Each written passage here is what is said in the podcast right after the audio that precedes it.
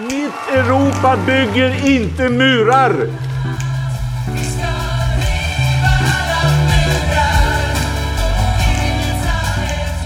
Syftet med de åtgärder som vi nu presenterar är att skapa ett andrum för svenskt flyktingmottagande. Mycket av det som regeringen sa igår ställer ju oss vi positiva till och vi tror också att en del av det kan dämpa trycket. Men vi är fortfarande oroliga för att det inte kommer att vara tillräckligt. Snälla, gör inte det här. Splittra inte familjer. Utsätt inte människor för ännu större risker.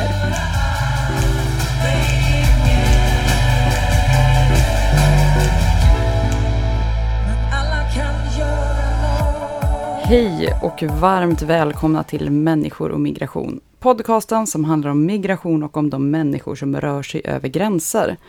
Jag som pratar nu heter Maja Dahl och jag är kommunikationsansvarig här på Arena Idé som ger ut den här podcasten. Och idag så ska vi prata om ändringar i migrationslagstiftningen på EU-nivå. I somras presenterade EU-kommissionen sitt andra stora flyktingpolitiska förslag eh, och de delar som påverkar svensk lagstiftning har precis varit ute på remiss. Vad betyder det då att man vill harmonisera migrationspolitiken? Det finns de som påstår att detta kommer att göra att den tillfälliga asyllagstiftningen i Sverige i realitet kommer att bli permanent. Stämmer det och vad innebär egentligen förslagen? Vad innebär de här förändringarna för de människor som nu är ute på flykt och försöker ta sig till ett EU-land? Och får det några konsekvenser för svensk lagstiftning? Med mig för att kunna besvara de här frågorna har jag som vanligt Arena Idés utredningschef, statsvetaren Lisa Pelling. Välkommen! Tack så mycket. Och asylrättsadvokaten Ignacio Vita. Hej hej! Jag tänker att vi börjar med det mest grundläggande här. Ehm, det här är ju som jag har förstått det ett sätt att harmonisera EU-ländernas lagstiftning. Vad beror det på att man vill göra det nu? Lisa? Jag skulle vilja säga att man inte kan se det här förslaget annat än som en del i en reaktion på det som hände hösten 2015.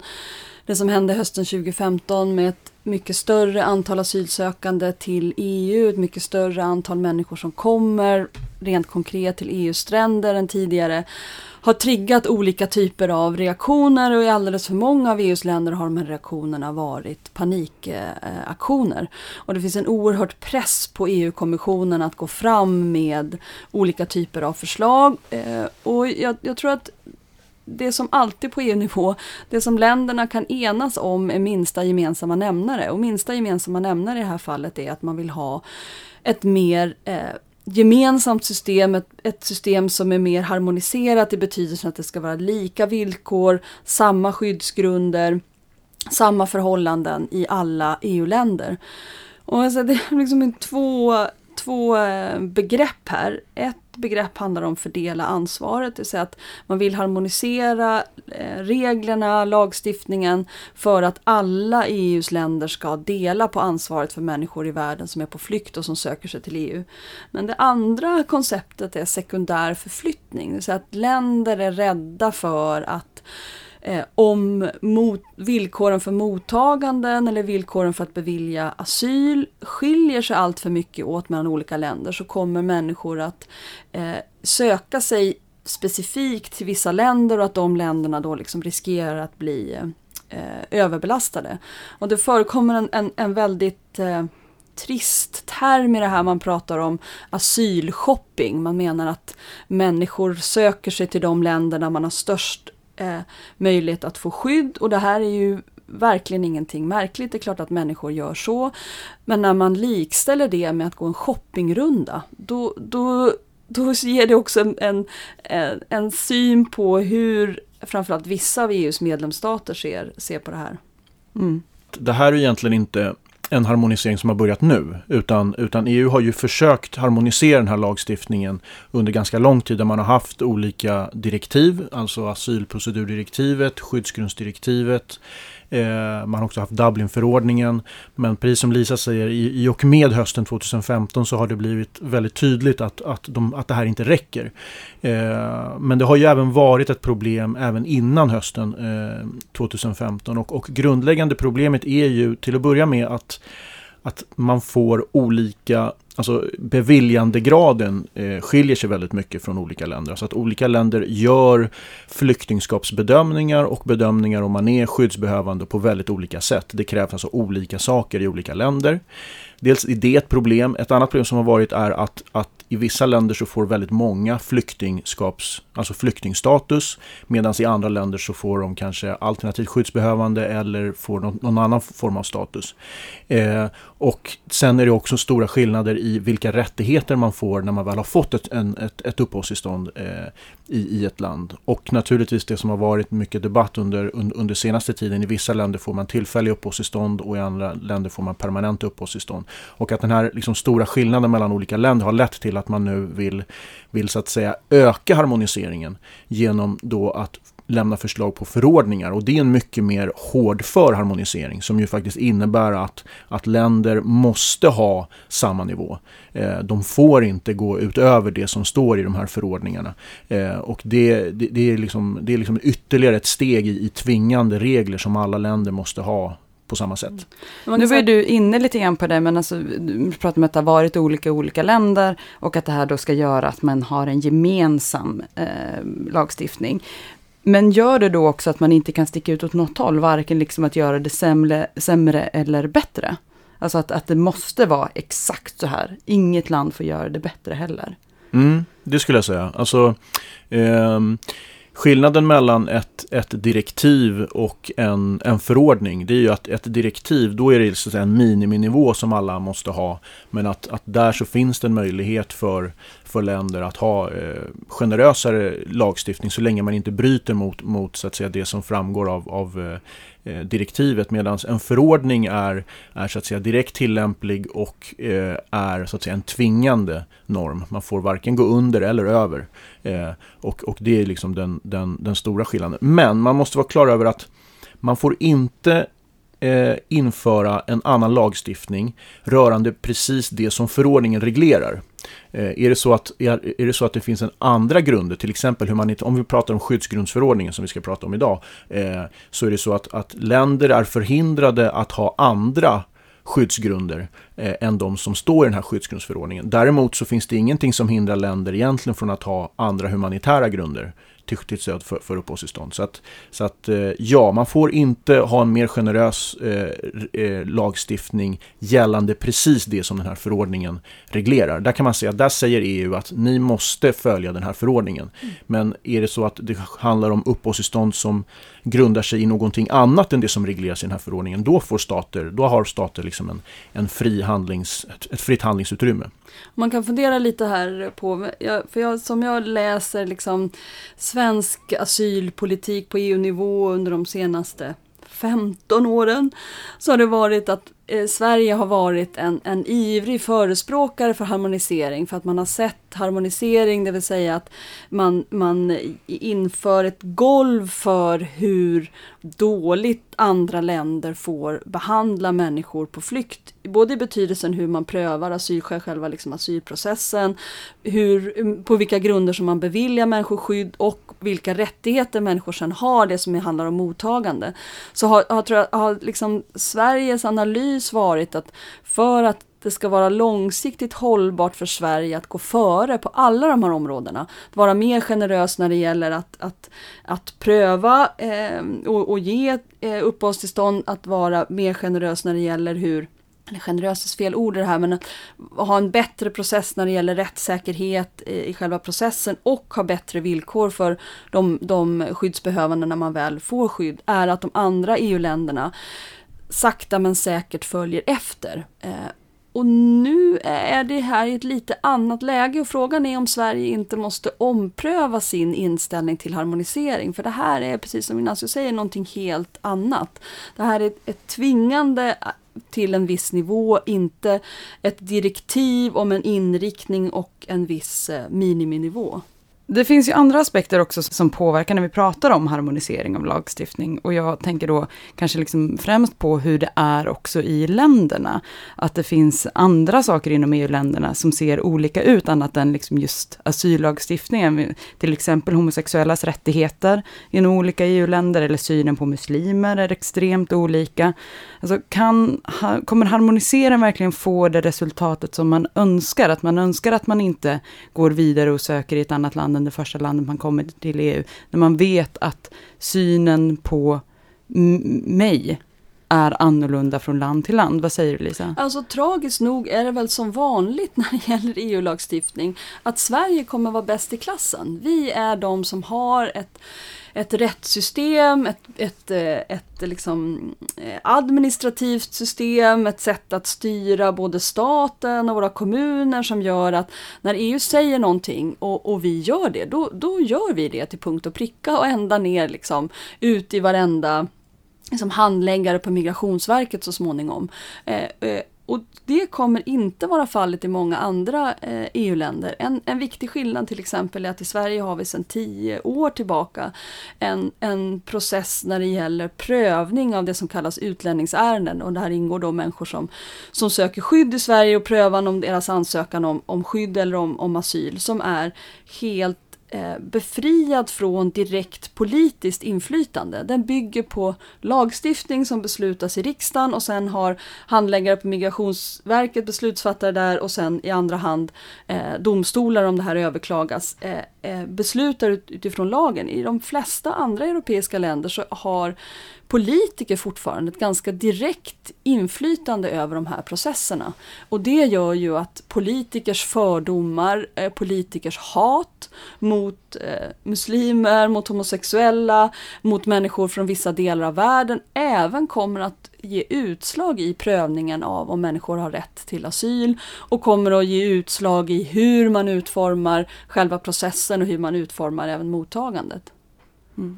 Och, och, och, det blir väldigt tydligt, alltså det, det, som var positivt med den tidigare harmoniseringen, det var ju att det ledde ju till att det uppstod en dialog mellan olika migrationsmyndigheter i Europa om hur, vad flyktingbegreppet faktiskt innebär, vilka kriterier man ska gå efter och hur man ska tillämpa dem på ett gemensamt sätt. Eh, det man gör nu, det man vill göra nu är ju att man inför mycket mer tvingande regler som handlar mer om processer, om hur långa tillstånden ska vara och när de ska omprövas och på vilka grunder de ska omprövas. Och man, man liksom glömmer bort det faktumet att i slutändan, det som avgör om någon får ett tillstånd eller inte handlar allt som oftast om värdering av muntliga uppgifter och värdering av landinformation. Och eh, det är väldigt svårt att tvinga olika myndigheter att göra på, på ett specifikt sätt genom förordningar, utan det krävs en dialog, fortsatt dialog om en europeisk gemensam syn på asylprövningen. Och, och det finns en risk liksom att man fokuserar på de här eh, mer formella sakerna och att man ändå till slut hamnar i den situationen som vi har idag, att det, fin- att det är enorma skillnader i hur man gör själva asylprövningen.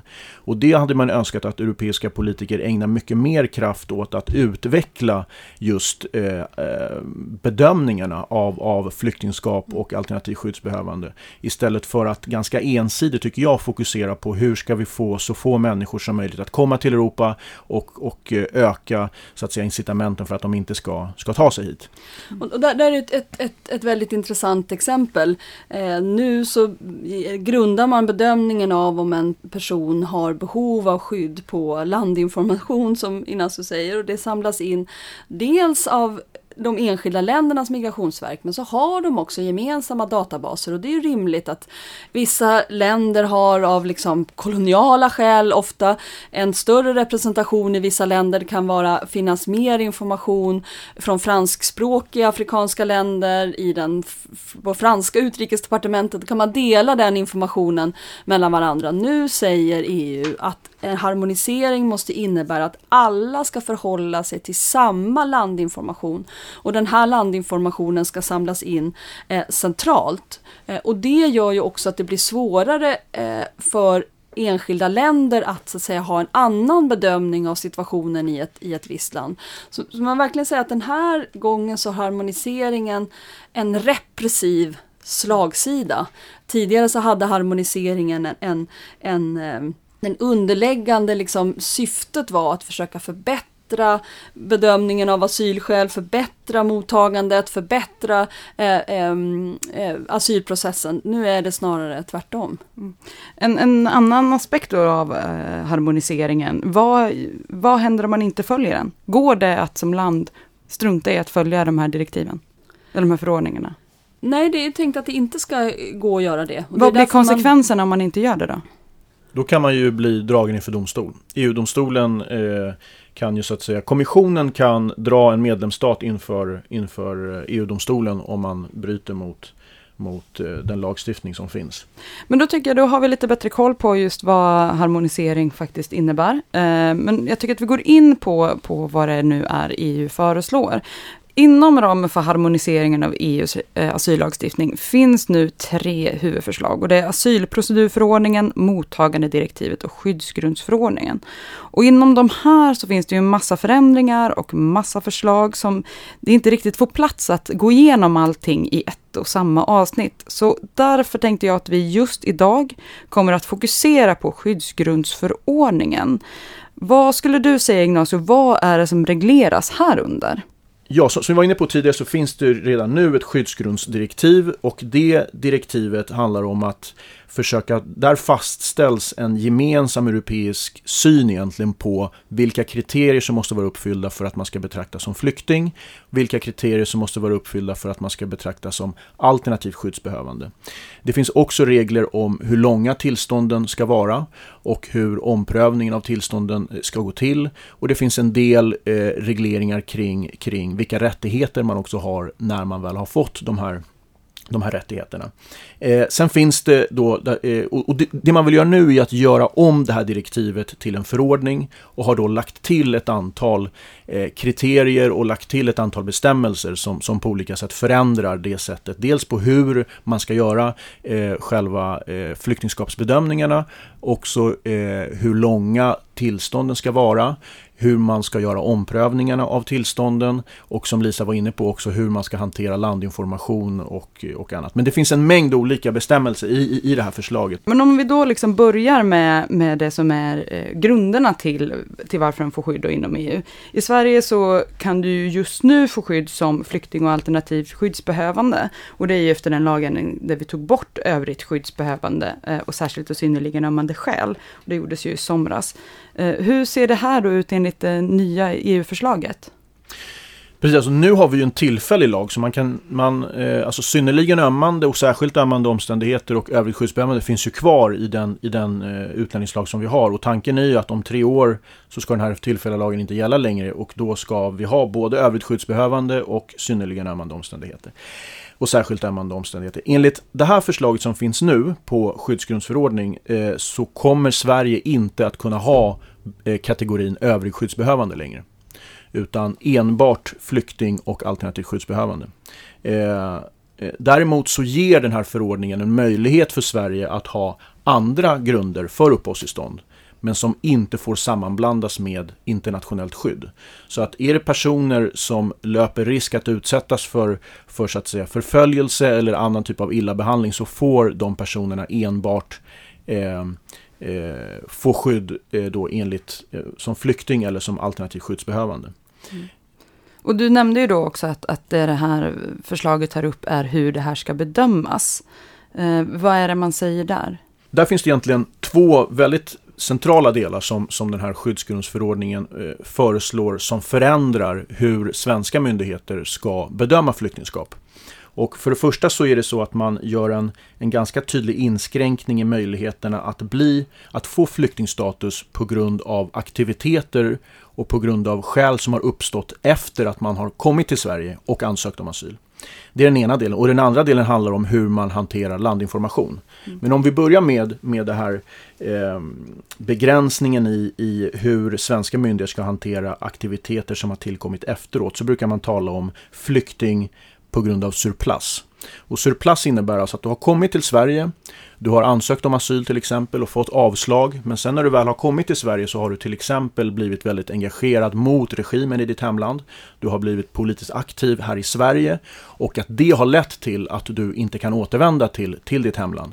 Eller att du har aktiverat dig i någon annan organisation eller att du har eh, utvecklat en, en, till exempel en annan sexuell läggning eller att du, olika skäl som, som så att säga idag eh, gör att du inte kan återvända till ditt hemland. Eller, säger, eller, eller mm. visat din sexuella läggning liksom, publikt, att du var, levde i hemlighet i landet men när du kommer hit så ställer du upp för en intervju vid en tidning och då vet myndigheterna plötsligt om så att säga att du, eh, att, du begår det här brottet som, som du ska skyddas mot. Precis, ett annat exempel är om man har konverterat från, från kristendom till islam eller från islam till kristendom eller någon annan religion för den delen när man väl har kommit till Sverige och därför inte kan återvända till sitt hemland.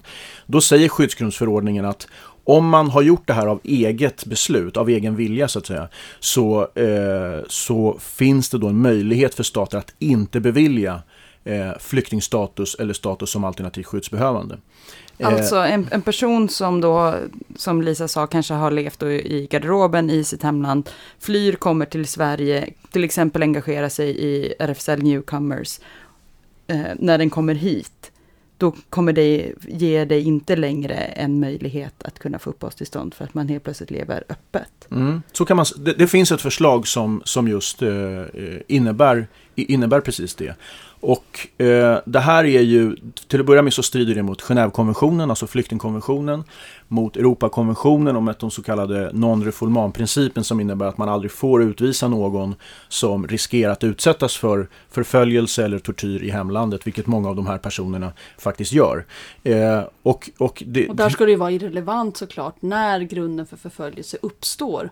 Om den uppstod i Iran eller om den uppstår i Sverige ja, ska vara irrelevant. Absolut, det som är relevant helt irrelevant. Man... Och också irrelevant om man har gjort det av egen vilja, av, på grund av eget beslut eller inte. Utan så, så, så fort man konstaterar en risk för förföljelse eller för att utsättas för tortyr så ska man beviljas flyktingstatus. Mm. Så det här är ett tydligt sådant exempel som ju visar på hur man börjar urholka flyktingbegreppet genom att, genom att, att göra undantag från, från de här sakerna. Det man skriver är ju att, att man ska tillämpa den här bestämmelsen utan att det ska komma i strid med just flyktingkonventionen och Europakonventionen.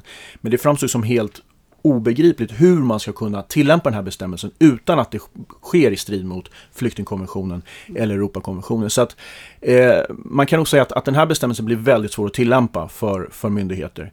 Eh, och det är, det är liksom högst oklart hur, hur, eh, hur EU har tänkt i, i den delen. Mm. Och den andra delen var som, som du nämnde var, var det som Lisa tog upp innan, med landinformation. Vad är det som står om det? Jo, där står det ju att som vi har varit inne på i tidigare avsnitt i den här podden så när man gör bedömningen av om någon eh, ska betraktas som flykting eller alternativt skyddsbehövande så tittar man ju först på de individuella omständigheterna som personen har och sen så jämför man dem med den landinformation som finns. Och hittills så finns det ju i svenska myndigheter och i domstolar finns det något som kallas för principen om fri bevisvärdering. Vilket innebär, och fri bevisprövning, vilket innebär att den enskilda asylsökande har ju rätt att åberopa all form av landinformation eh, från alla möjliga källor. Och det är upp till varje myndighet och domstol i det här fallet, Migrationsverket och Migrationsdomstolen, att göra sin egen värdering av den här landinformationen. Och i vissa avseenden så har man en skyldighet att ta in egen landinformation för att kunna göra ett ett, ett tydligt eh, ställningstagande. Det man från EUs sida vill göra nu, det är ju att man vill för det första starta ett, en asylbyrå, EUs asylbyrå, som då ska ta fram den här landinformationen. Och att eh, länderna och myndigheterna framför allt ska basera sina beslut enbart på grund av den här landinformationen. Och det innebär ju för det första en, en, en enorm inskränkning i Migrationsverkets, migrationsdomstolarna och den asylsökandes möjligheter att åberopa relevant, aktuell landinformation. Eh, för det andra så, så, krävs det ju att den här asylbyrån är fristående och självständig från politisk styrning. Vilket det sannolikt inte kommer vara i, i det här fallet. Utan anledningen till att man gör så här från EUs sida det är ju att man vill att alla länder ska tillämpa samma landinformation och tolka den på precis samma sätt. Och det, då kommer vi tillbaka till det Lisa pratade om i början, att vi i Sverige har en tydlig skillnad mellan lagstiftning och tillämpning. Medan här vill man på politisk nivå styra tillämpningen väldigt, väldigt hårt. Ehm, eh, och det här är ju, skulle jag vilja säga, ett av de, de största problemen med, med, med det här förslaget. Att man för att landinformationen är otroligt viktig i, i flyktingskapsbedömningarna. Och att genom att styra vilken landinformation man får använda sig av så begränsar man asylsökandes möjligheter och rättigheter vid, vid själva prövningen. Det här förslaget blir ännu allvarligare när man eh, eh, ta med det här att det här förslaget också innebär att man föreslår att det ska finnas en EU-gemensam lista över säkra ursprungsländer och säkra tredjeländer, det vill säga länder som man har passerat på vägen till Europa. För det, det innebär ju också då att eh, man eh, så att säga tar fram en information om ett land, säg Turkiet. Det finns en landinformation centralt i Bryssel kring Turkiet. Det är klart att den här landinformationen den kan ju inte skrivas av diplomatiska skäl på ett sätt som fullständigt förnedrar eh, Turkiet som land. Det är lättare kanske för Sverige att ha skrivningar som innebär att den och den provinsen i Turkiet, den här och den här delen kan anses som osäker än att man från från Bryssel, så att säga från EU-kommissionens håll har den typen av landinformation. Så risken är att, att, att landinformationen dels riskerar att bli inaktuell, men också att den riskerar att, att eh, som Inacio beskriver, att tvättas av politiska skäl. Och dessutom så kommer då landinformationen att väga mycket tyngre. För den här landinformationen kan innebära att landet sätts upp på en lista över säkra länder och till säkra länder så måste personer avvisas. Man får inte ge skyddsstatus till en person som kommer från ett säkert land eller från ett säkert tredje land enligt, enligt, enligt det här förslaget. Vi har ju pratat om, eh, om just landinformation i den här podcasten tidigare och där vi har lyft att det här är också någonting där eh, där asylrättsorganisationer och organisationer som på olika sätt jobbar med MR-frågor har varit en viktig part i att samla in sån här information det måste ju också förändra deras arbete något enormt utifrån att tidigare man jobbat med den egna staten och nu måste man jobba gentemot EU. Vad, vad, kan man säga liksom om, om hur det arbetet måste förändras? Det här är en jättestor fråga. Vilken slags transparens kommer att finnas här? Kommer den här landinformationen att vara tillgänglig?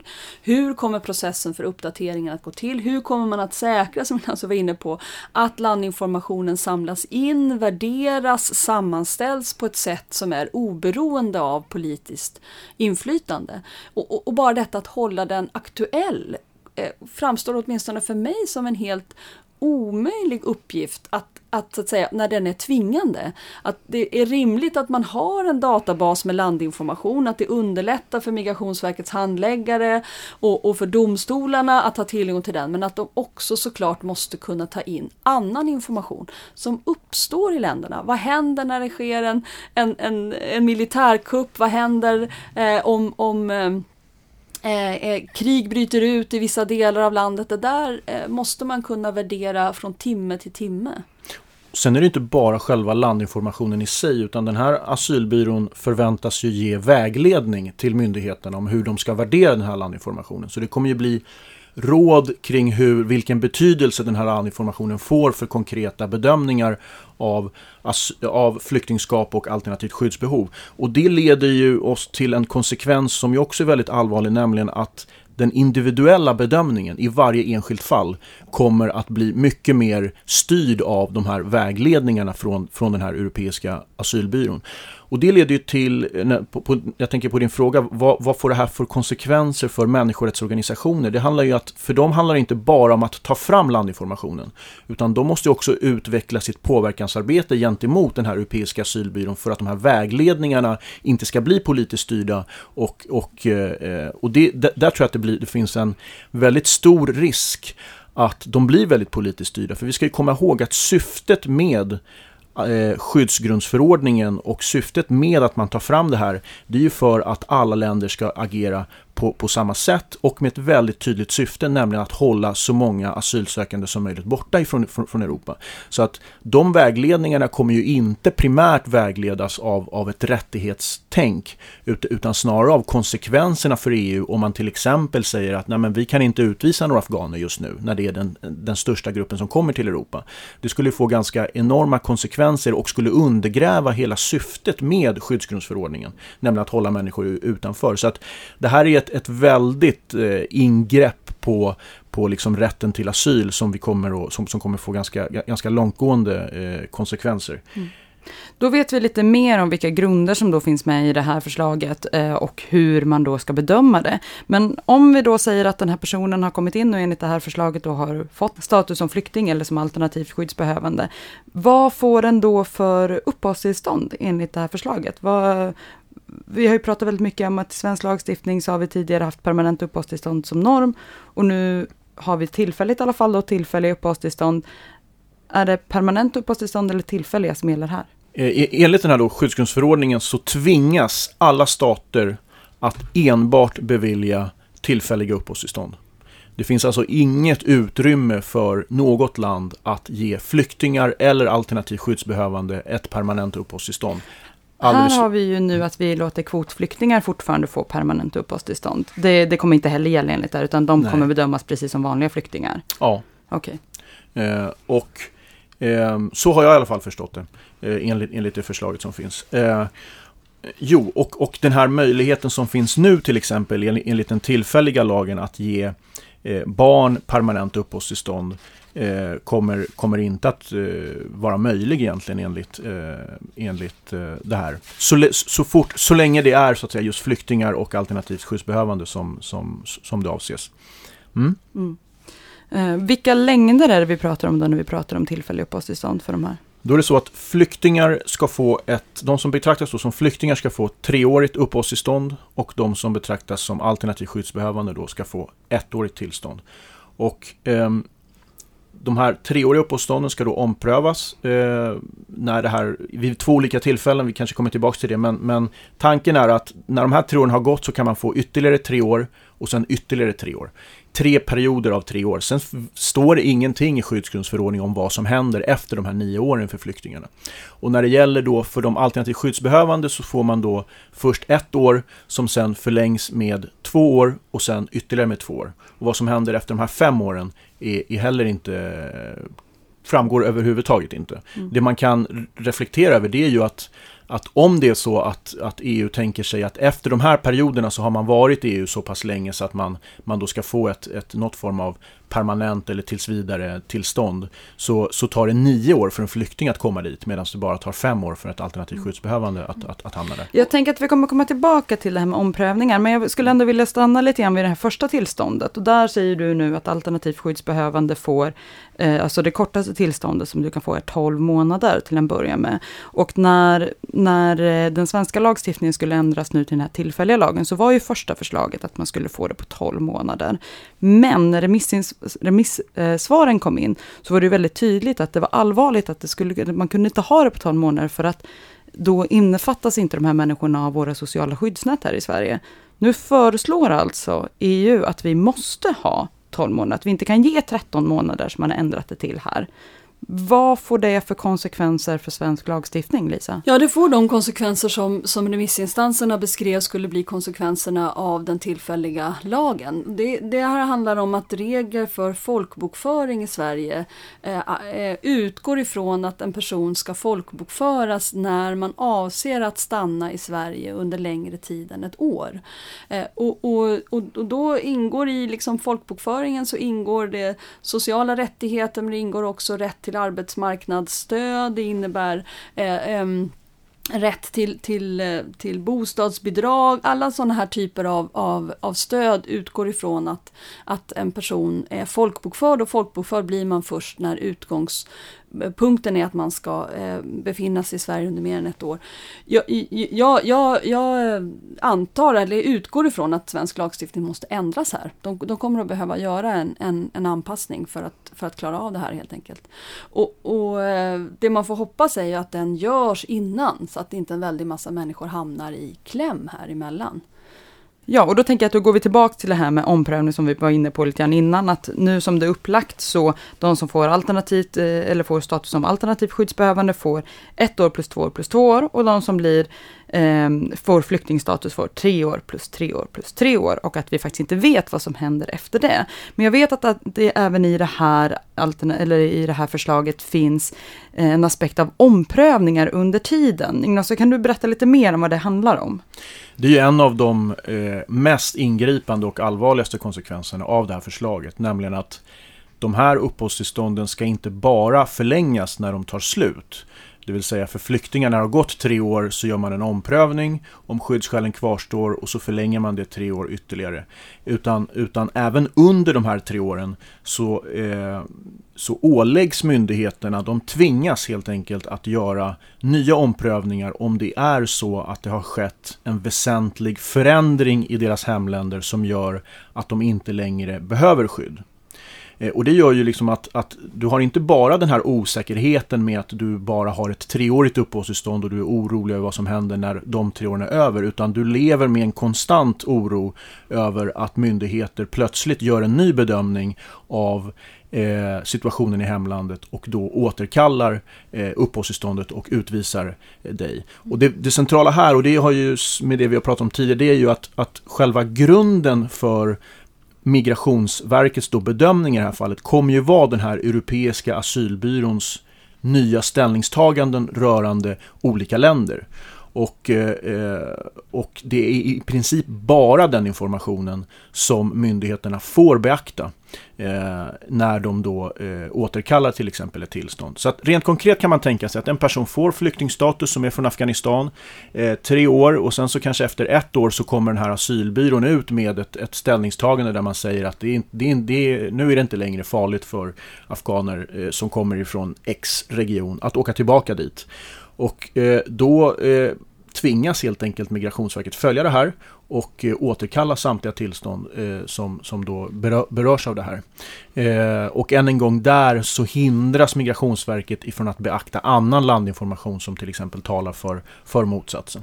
Men den här osäkerheten, att man då även under tiden du har ditt eh, tillfälliga uppehållstillstånd eh, kan bli av med det. Det måste ju få förödande konsekvenser för integrationsfrågorna. Vad säger du Lisa? Ja, nej, det är ju total terror. Det är ju verkligen tortyr varje, varje timme, varje dag. För det blir helt omöjligt att planera din framtid ens för 12 månader framåt, ens för tre år framåt. Utan, och det tvingar också varje person som har fått skydd i Sverige att själv bli expert på EUs landinformationsprocess. För man måste ständigt liksom försöka gissa vad är det för eh, beslut som nu kommer att tas, vad, vilken bedömning görs av läget i min hemprovins, kan det här riskera att mitt uppehållstillstånd dras upp? Alltså det blir förfärligt. Eh, och, och, och det har ju vi pratat om tidigare i den här podden också, för att människor ska kunna behandlas för trauma, för att man ska kunna känna trygghet, tillförsikt. Det här framtidshoppet sen så avgörande för att man ska kunna gå in med hela sin energi och all sin vilja i en integrationsprocess. Att man drar fullständigt undan mattan för det här. Mm. Och det här, jag tänker också samhällets långsiktiga planering, alltså man tänker eh, bostadsbyggande eller snabbspår, så här, hur ska det kunna planeras Absolut. utifrån att man inte vet hur länge en människa är kvar? Absolut, eh, så, så, så är det. Det finns orter i Sverige som eh, har tagit emot eh, 400 personer från Eritrea. Eh, de här eh, är en ganska bra förutsättning för integration. En liten ort, 400 personer som talar samma språk, som kan, kan hjälpa varandra, som har liknande förutsättningar. Där kan det bli så att i ett slag så fattas ett beslut som innebär att alla de måste lämna eh, samtidigt. Eh, och det här kommer bli oerhört uppslitande. Det finns också i den, i den svenska ståndpunkten kring det här eh, så protesterar man mot att eh, Eh, det här kommer att eh, leda till ökad byråkrati och administration. Alltså det är det minsta problemet med den här lagstiftningen. Det största problemet är vad det utsätter människor för och hur oerhört svårt det blir att ha en vettig integration av de människor som, som kommer. Det man ska lägga till är också är att det har ju, och det som argumenten emot det här kan vara är att det här skulle man kunna beskriva som att det eh, harmonisera någonting som redan har varit faktum i väldigt många länder. De allra flesta länder har haft en princip om att ge tillfälliga uppehållstillstånd till människor som får skydd. Så Sverige har varit något av ett undantag med vår princip om permanenta uppehållstillstånd. Men de här tillfälliga uppehållstillstånden har oftast omprövats på ett sådant sätt att man har fått en förlängning av uppehållstillståndet automatiskt om ingenting väldigt dramatiskt har inträffat. Så det innebär att människor som har fått treåriga tillstånd i Tyskland har kunnat känna trots allt viss tillförsikt om att det här tillståndet automatiskt utan större byråkrati utan att du behöver göra hela ansökan, gå igenom hela ansökningsproceduren med, med bevis, med intervjuer och allting annat en gång till utan den har förnyats automatiskt. Och, och om jag läser förslaget rätt så ska det inte heller bli möjligt utan man inför liksom en, en plikt att vid de här tidsgränserna ompröva och också att ompröva mellan tidsgränserna om, eh, om det inträffar saker i omvärlden som, som, som eh, triggar det eller som, som gör det obligatoriskt. Då. Och, och, och, det här är ju också en väldigt tydlig del som faktiskt urholkar och försvagar både flyktingbegreppet och alternativt skyddsbehov. För att alltså, i flyktingkonventionen så talas det ju om hållbara, långsiktiga lösningar för flyktingar. Alltså hela tanken med asylrätten har ju handlat om att man ska få ett skydd som gör det möjligt för en att, att ha ett liv, att, att i framtiden bli medborgare i ett land och att, att kunna leva här under de förutsättningar som andra lever här. Och, och eh, på det här sättet så, så urholkas ju verkligen den, den liksom grunden och, och man inför fler och fler bestämmelser som, som ju absolut inte innebär hållbara lösningar utan tvärtom extremt tillfälliga lösningar där man hela tiden riskerar utvisningen. Mm. En annan del som har diskuterats väldigt mycket utifrån ett asylrättsperspektiv här i Sverige är ju rätten till familjeåterförening. När lagändringen gjordes i somras så ändrades det så att alternativt skyddsbehövande inte längre hade rätt till familjeåterföreningen. Hur ser det ut i det här förslaget? Hur lyfts familjeåterförening här? Vad räknas som familj? Um, Egentligen finns det en väldigt, eh, väldigt begränsad bestämmelse, en enda bestämmelse som, som handlar om just familjens enhet. Och som, eh, som vi har pratat om tidigare så finns det ju ett familjeåterföreningsdirektiv och familjebegreppet i det direktivet är ju eh, familjemedlemmar som, som man så att säga har haft innan flykten. Det är bara de som man får återförenas med. Vilket alltså innebär att om man till exempel under flykten har, har, fått, eh, har träffat någon till exempel så, så är det inte någon som man kan familjeåterförenas med när man väl har kommit till det landet dit, dit man ska söka skydd och får skydd. Eh, och i den här då skyddsgrundsförordningen så föreslår man då att även personer som man har träffat under flykten ska omfattas av det här den här, eh, av familjeåterföreningen. Och anledningen till att man har gjort det, det är ju för att man vet att människor eh, vistas under ganska långa perioder ibland i olika så kallade transitländer. Eh, och där kan under perioder då forma ett familjeliv och att man då ska ha rätt att få återförenas med dem. Eh, så att det är ju en positiv del i, i den här eh, skyddsgrundsförordningen, att man utökar de personer som man får eh, återförenas med. Förslaget lyfter ju även sociala förmåner eh, och där ges en möjlighet till att göra skillnad mellan de som getts flyktingstatus och de som har som fått status som alternativ skyddsbehövande. Vad är det som föreslås när det gäller dig? Det är precis det som du eh, nämner, nämligen att, att eh, man gör förutom det som vi redan har pratat om, att man gör väldigt tydlig skillnad mellan flyktingar och alternativt skyddsbehövande, så gör man även det när det gäller de sociala rättigheterna som man får. Nämligen att länder ges möjlighet att eh, begränsa rätten till sociala rättigheter för alternativt skyddsbehövande, eh, till skillnad från då flyktingar. Eh, och att man också kopplar rätten till till de här rättigheterna, till sociala förmåner eh, beroende på om man har deltagit eller inte deltagit i integrationsfrämjande åtgärder. Så att det blir betydligt hårdare för de som får de här tillstånden eh, i, i deras tillgång till olika sociala förmåner. Mm. Men då har vi alltså bättre koll på vad det är som föreslås här i skyddsgrundsförordningen.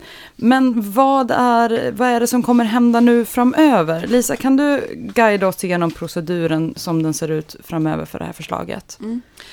Ja, som, som vi nämnde tidigare så den här processen mot en harmonisering av EUs asylpolitik har pågått under lång tid, kanske särskilt intensivt under de senaste tio åren kan man säga. Förra året så inledde kommissionen en stor översyn av detta och en kritik mot det förslag som ligger på bordet nu, att man inte ens har hunnit utvärdera de förslag som man la förra året innan man lägger ett eh, nya förslag. Det som ligger på bordet nu är att i april i år så gick kommissionen ut med ett, som de kallar det, andra stora eh, paketet. De kallar det för en reform av det gemensamma asylsystemet och ökade möjligheter till laglig inresa till Europa. Och det lades fram den 6 april i år och sen omvandlar man det till, eh, det var i form av ett meddelande. Ett meddelande kan man säga liksom, eh, att man, man förbereder medlemsstaterna på en inriktning, ett, ett slags eh, dokument som liksom förvarnar om det här hållet är vi på väg åt, vad tycker ni om det? Sen konkretiserar man det i ett förslag, det kom den 13 juli i år och då la man alltså ett förslag till, skyddsgrunds, till ny skyddsgrundsförordning och det är det förslaget som sedan har skickats ut på remiss till olika svenska eh, instanser vi har nämnt eh, en del av deras eh, kritik. När det här tas fram så tar regeringskansliet fram det man kallar ett fakta-PM, det vill säga att man beskriver vad det här förslaget går ut på i korthet och så beskriver man vad den svenska positionen kan, kan vara. Eh, efter det att kommissionen skickar ut ett förslag så ska det här behandlas av eh, av ministrarna i, i, i de europeiska regeringarna. I det här fallet så är det det som kallas för Rådet för rättsliga och inrikes frågor, det vill säga RIF-rådet, som behandlar det. Och det är Morgan Johansson som är vår justitie och migrationsminister som är Sveriges representant i det här rådet när det gäller de här frågorna. Och de har behandlat det nu den 12 13 eh, oktober eh, så behandlas det här i, i RIF-rådet. Och sen kommer det att, att gå vidare till, till, eh, till ytterligare behandling.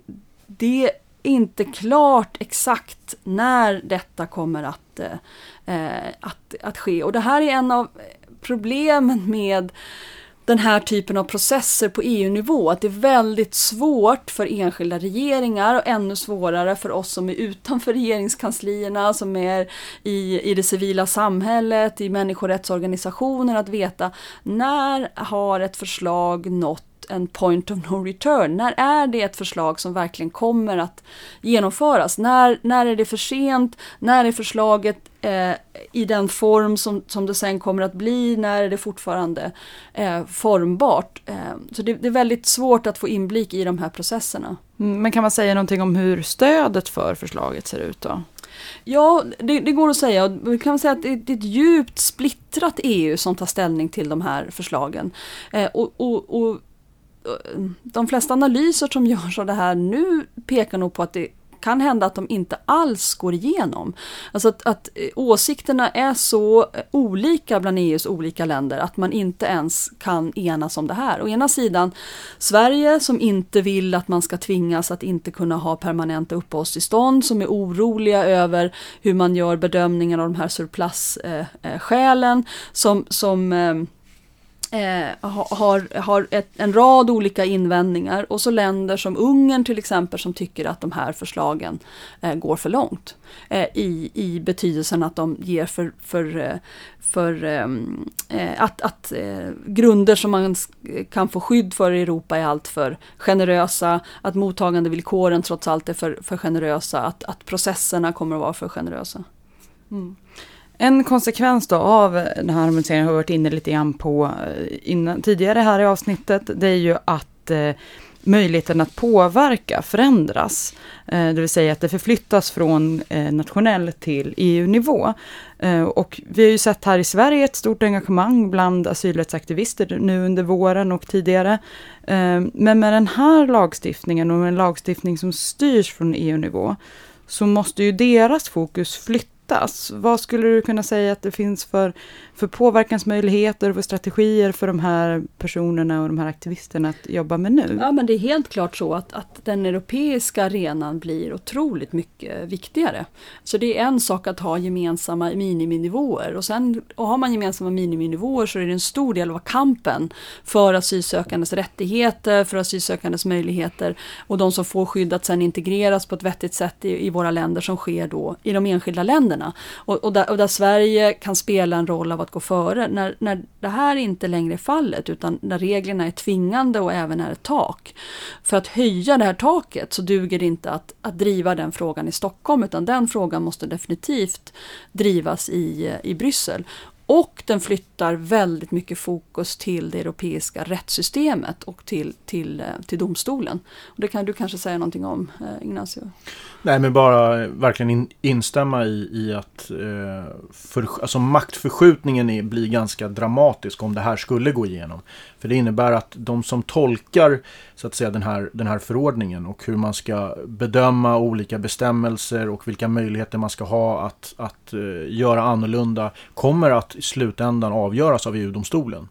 Eh, samtidigt som vi under en lång tid har haft, eh, de vanliga strategierna har handlat om att påverka den nationella migrationspolitiken, nationella politiken genom, genom att, att försöka påverka de, de politiska organen. Eh, vi är mycket mindre vana vid och, och behärskar mycket mindre strategier i hur vi kan påverka domstolar och hur vi kan använda rättsprocesser för att driva opinion. Och det kommer ju bli än, än mycket viktigare eh, om det här eh, skulle gå igenom. Men det innebär också att, att jag skulle säga att medias roll kommer att bli ännu viktigare nu, framförallt just nu i granskningen av de här förhandlingarna nu.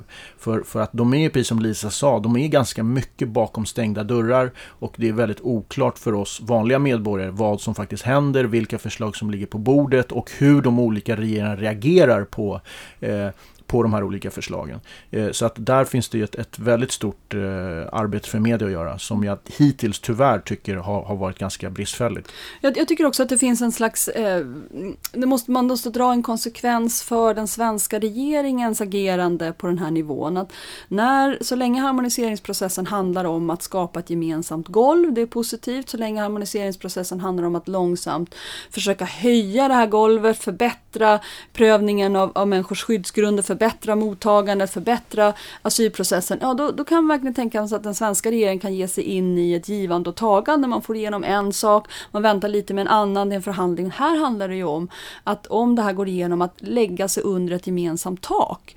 Eh, och, och det är frågan om, om läget verkligen är sånt inom EU just nu, att det här taket kommer att hamna på en rimlig nivå. Att en vettigare strategi kanske från den svenska regeringen borde vara varit lite mera ungersk och säga nej, vi går inte med på det här. Vi vägrar, vi tänker inte bidra till den här processen. Vi, vi, vi tänker för, liksom försena den, blockera den.